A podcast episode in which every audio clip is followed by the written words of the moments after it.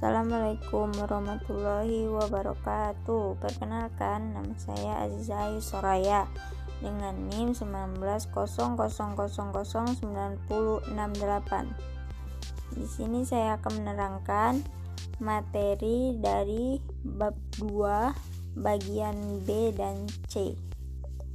Yang pertama, peran lembaga penegak hukum dalam menjamin keadilan dan kedamaian. 1. Peran Kepolisian Republik Indonesia atau Polri. Kepolisian Republik Indonesia yang sering disingkat Polri merupakan lembaga negara yang berperan dalam memelihara keamanan dan ketertiban masyarakat, menegakkan hukum, serta memberikan perlindungannya, pengayoman, dan pelayanan kepada masyarakat dalam rangka pemeliharaan keamanan dalam negeri. Selain itu, dalam bidang penegak hukum khususnya yang berkaitan dengan penegak tindak pidana sebagaimana yang diatur dalam KUHP Polri sebagai penyidik utama yang menangani setiap kejahatan secara umum dalam rangka menciptakan keamanan dalam negeri. Pasal 16 Undang-Undang Republik Indonesia Nomor 2 Tahun 2002 tentang Kepolisian Republik Indonesia telah menetapkan kewenangannya sebagai berikut. A. Melakukan penangkapan, penahanan, penggeledahan, dan penyitaan. B melarang setiap orang meninggalkan atau memasuki tempat kejadian perkara untuk kepentingan penyidik. C. Membawa dan menghadapkan orang kepada penyidik dalam rangka penyidikan. D. Menyuruh berhenti orang yang dicurigai dan menanyakan serta memeriksa tanda pengenal diri E. Melakukan pemeriksaan dan penyitaan surat F. Memanggil orang untuk mendengar dan diperiksa sebagai tersangka atau sanksi G. Mendatangkan orang ahli yang diperlukan dalam hubungannya dengan pemeriksaan perkara H. Mengadakan penghentian penyidikan I menyerahkan berkas perkara kepada penuntut umum.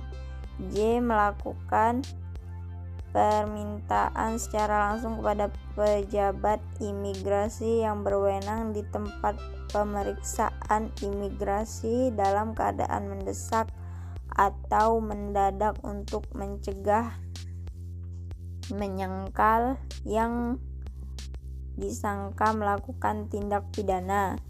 K. Memberikan petunjuk dan bantuan penyidikan kepada penyidik pegawai negeri sipil serta menerima hasil penyidikan penyidik sebagai negeri pegawai negeri sipil untuk diserahkan kepada penuntut umum. L. Mengadakan tindakan lain menuntut hukum yang bertanggung jawab yaitu tindakan penyidikan dan penyidikan yang dilaksanakan dengan syarat sebagai berikut: tidak bertentangan dengan suatu aturan hukum, selaras dengan kewajiban hukum yang mengharuskan tindakan tersebut dilakukan, harus patut, masuk akal, dan termasuk dalam lingkungan jabatannya. Pentingnya yang layak berdasar keadaan yang memaksa dan menghormati hak asasi manusia. Uh, peran Kejaksaan Republik Indonesia. Kejaksaan Republik Indonesia adalah lembaga yang melakukan melaksanakan kekuasaan negara, khususnya di bidang penuntutan. Penuntutan merupakan tindakan jaksa yang melimpahkan perkara pidana ke pengadilan negeri yang berwenang dalam hal dan membuat dan menurut cara yang diatur dalam undang-undang dengan permintaan supaya diperiksa dan diputus oleh hakim di sidang pengadilan. Pelaku pelanggaran pidana yang akan dituntut adalah yang benar bersalah dan telah memenuhi unsur-unsur tindak pidana yang disangka disangkakan dengan didukung oleh barang bukti yang cukup dan didukung oleh minimal dua orang saksi. Keberadaan Kejaksaan Republik Indonesia diatur dalam Undang-Undang Republik Indonesia Nomor 16 Tahun 2004 tentang Kejaksaan Republik Indonesia. Berdasarkan undang-undang tersebut, Kejaksaan sebagai salah satu lembaga penegak hukum dituntut untuk lebih berperan dalam menegakkan supremasi hukum, perlindungan kepentingan umum, penegak hak asasi manusia, serta pemberantasan korupsi, kolusi, dan repotisme. Kejaksaan Republik Indonesia sebagai lembaga negara yang melaksanakan kekuasaan negara di bidang penuntutan harus melakukan fungsi, tugas, dan wewenangnya secara merdeka. Adapun yang menjadi tugas dan wewenang kejaksaan dikelompokkan menjadi tiga bidang, yaitu bidang pertama di bidang per, bidang pidana, yaitu melakukan penuntutan, melakukan penetapan hakim dan putusan pengadilan yang telah memperoleh kekuatan hukum tetap, melakukan pengawasan terhadap pelaksanaan putusan pidana bersyarat, putusan pidana pengawasan, dan keputusan lepas bersyarat. Uh, empat melakukan penyelidikan terhadap tindak pidana tertentu berdasarkan undang-undang. Uh, melengkapi berkas perkara tertentu dan untuk itu dapat melakukan pemeriksaan tambahan sebelum dilimpahkan ke pengadilan dalam pelaksanaannya dikoordinasikan dengan penyidik. B. Di bidang perdata dan tata usaha negara. Kejaksaan dengan kekuasaan khusus dapat bertindak baik di dalam maupun di luar pengadilan untuk dan atas nama negara atau perintah. 3. Dalam bidang ketertiban dan ketentraman umum. Peningkatan kesadaran hukum masyarakat, pengamanan kebijakan penegak hukum, pengawasan peredaran barang cetakan, pengawasan aliran kepercayaan yang dapat membahayakan masyarakat dan negara, pencegahan penyalahgunaan dan penodaan agama, penelitian dan pengembangan hukum, serta statistik kriminal. Tiga peran hakim sebagai pelaksanaan kekuasaan kehakiman. Di Indonesia, perwujudan kekuasaan kehakiman diatur sepenuhnya dalam Undang-Undang Republik Indonesia Nomor 48 tahun 2009 tentang kekuasaan kehakiman yang merupakan penyempurnaan dari Undang-Undang Republik Indonesia Nomor 4 Tahun 2004 tentang kekuasaan kehakiman. Berdasarkan undang-undang tersebut, kekuasaan kehakiman di Indonesia dilakukan oleh Mahkamah Agung, Badan Peradilan Badan Kekuasaan Kehakiman di Indonesia dilakukan oleh Mahkamah Agung, Badan Peradilan yang berada di bawah Mahkamah Agung meliputi badan peradilan yang berada di lingkungan peradilan umum, peradilan agama, peradilan militer, dan peradilan tata usaha negara, serta oleh sebuah mahkamah konstitusi. Lembaga-lembaga tersebut berperan sebagai penegak keadilan dan dibersihkan dari setiap invest, intervensi baik dari lembaga legislatif eksekutif, maupun lembaga lainnya. Kekuasaan kehakiman yang diselenggarakan oleh lembaga-lembaga tersebut dilaksanakan oleh hakim. Yang mana hakim adalah pejabat peradilan negara yang diberi wewenang oleh undang-undang untuk mengadili. Mengadili merupakan serangkaian tindakan hakim untuk menerima, memeriksa, dan memutuskan perkara hukum berdasarkan asas bebas, jujur, dan tidak memihak di sebuah sidang peradilan berdasarkan ketentuan perundang-undangan. Menurut ketentuan Undang-Undang Republik Indonesia Nomor 48 Tahun 2009 tentang kekuasaan kehakiman, hakim berdasarkan jenis lembaga peradilan dapat di diklasifikasikan menjadi tiga kelompok sebagai berikut. Satu, hakim pada Mahkamah Agung yang disebut dengan hakim agung.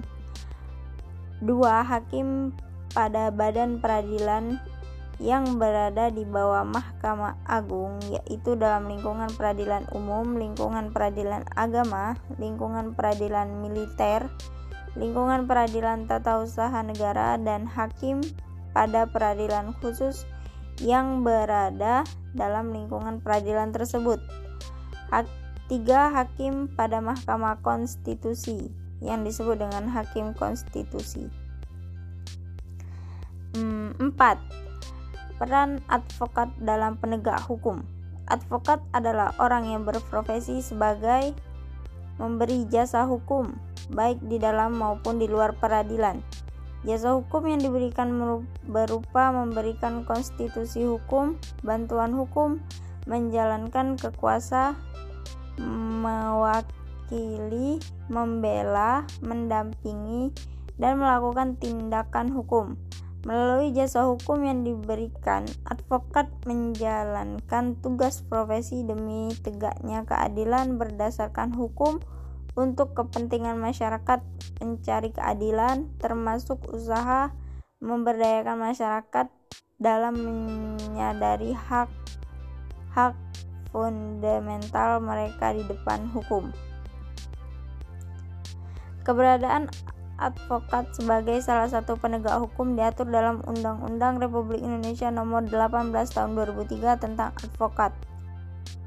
Melalui undang-undang ini, setiap orang yang memenuhi persyaratan dapat menjadi seorang advokat ataupun persyaratan untuk menjadi advokat Indonesia diatur dalam Pasal 3 Undang-Undang Republik Indonesia tahun 2003 tentang advokat yaitu warga negara Republik Indonesia. Bertempat tinggal di Indonesia tidak berstatus sebagai pegawai negeri atau pejabat negara. Berusia sekurang-kurangnya 25 tahun berijazah sarjana yang berlatar belakang pendidikan tinggi hukum. Lulus ujian yang diadakan oleh organisasi advokat, magang sekurang-kurangnya 2 tahun, tidak pernah dipidana karena melakukan tindak pidana kejahatan yang diancam dengan pidana penjara 5 tahun atau lebih, serta berperilaku baik, jujur, bertanggung jawab, adil, dan mempunyai integritas yang tinggi. 5. Peran Komisi Pemberantasan Korupsi atau KPK. Komisi Pemberantasan Korupsi disingkat KPK adalah sebuah komisi yang dibentuk pada tahun 2003 berdasarkan Undang-Undang Republik Indonesia Nomor 30 Tahun 2002 tentang Komisi Pemberantasan Tindak Pidana Korupsi. Tujuan dibentuknya KPK adalah untuk mengatasi, menanggulangi, dan memberantas korupsi. Selain memiliki tugas Komisi ini memiliki beberapa wewenang sebagai berikut: mengordinasikan penyelidikan, penyidikan, dan penuntutan tindak pidana korupsi, menetapkan sistem pelaporan dalam kegiatan pemberantasan tindak pidana korupsi, meminta informasi tentang kegiatan pemberantasan tindak pidana korupsi kepada instansi terkait, melaksanakan dengan pendapat atau pertemuan dengan instansi yang berwenang melakukan pemberantasan tindak korupsi, meminta laporan instansi terkait pencegah tindak pidana korupsi. Uh, kemudian materi bagian C. Dinamika pelanggaran hukum. 1. Berbagai kasus pelanggaran hukum. Pelanggaran hukum disebut juga perbuatan melawan hukum, yaitu tindakan seseorang yang tidak sesuai atau bertentangan dengan aturan-aturan yang berlaku. Dengan kata lain, pelanggaran hukum merupakan pengingkaran terhadap kewajiban-kewajiban yang telah ditetapkan oleh peraturan atau hukum yang berlaku. Misalnya, kasus pembunuhan merupakan pe pengingkaran terhadap kewajiban untuk menghormati hak hidup orang lain. Pelanggaran hukum merupakan bentuk ketidakpatuhan terhadap hukum. Ketidakpatuhan terhadap hukum dapat disebabkan oleh dua hal, yaitu pelanggaran hukum oleh si pelanggar sudah dianggap sebagai kebiasaan. Dua hukum yang berlaku sudah tidak sesuai lagi dengan tuntutan kehidupan.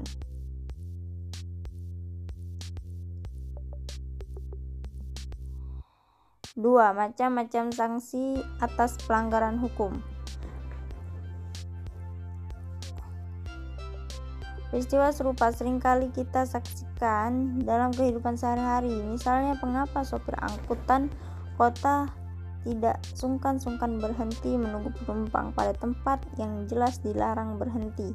Penyebabnya karena petugas tidak tegas menindaknya. Karena peristiwa seperti itu dibiarkan dan tidak ditindak oleh petugas, lama-kelamaan dianggap hal yang biasa.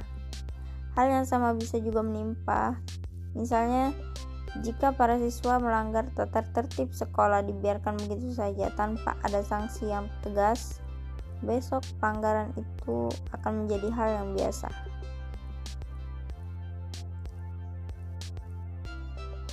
Tiga, partisipasi dalam pelindungan dan penegak hukum. Ketaatan atau kepatuhan terhadap hukum yang berlaku merupakan konsep nyata dalam diri seseorang yang mewujudkan dalam perilaku yang sesuai dengan sistem hukum yang berlaku.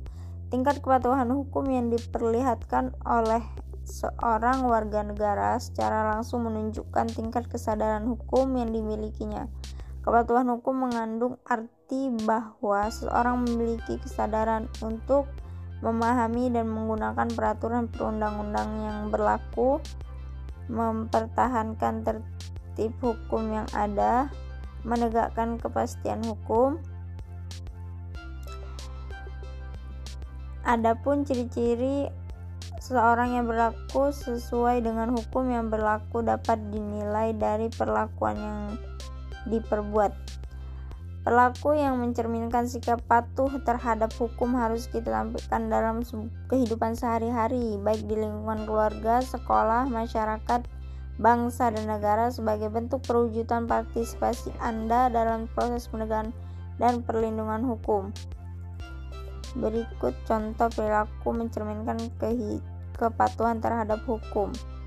Dalam kehidupan lingkungan keluarga, mematuhi perintah kedua orang tua, ibadah tepat waktu, menghormati anggota yang yang seperti yang lebih tua, melaksanakan aturan yang dibuat dan disepakati e, dalam kehidupan lingkungan sekolah, menghormati kepala sekolah, guru, karyawan, memakai pakaian seragam yang dengan hari yang telah ditentukan, tidak men mencontek ketika ulangan, memperhatikan penjelasan guru, e, dan dalam kehidupan lingkungan masyarakat melaksanakan setiap norma yang berlaku di dalam masyarakat beronda, bergotong royong, menghormati keberadaan tetangga sekitar, dan dalam kehidupan di lingkungan bangsa dan negara bersikap tertib ketika berlalu lintas, memiliki KTP, memiliki SIM, ikut serta dalam kegiatan pemilihan umum, membayar pajak, dan membayar retribusi parkir.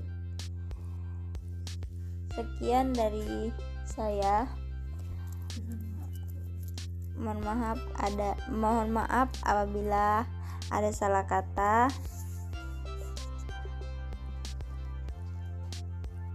dalam mempelajari materi bab ini. Wassalamualaikum warahmatullahi wabarakatuh